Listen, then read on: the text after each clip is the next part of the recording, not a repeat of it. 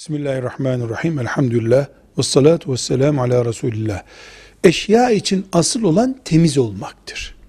Yani bu elimdeki nesne temiz kabul edilir. Bunun üzerinde bir pislik gördüğüm zaman, necaset gördüğüm zaman bu necistir, pistir derim. Yer içinde geçerli bu, elbise içinde geçerli, tabak içinde geçerli, ayakkabı içinde geçerli.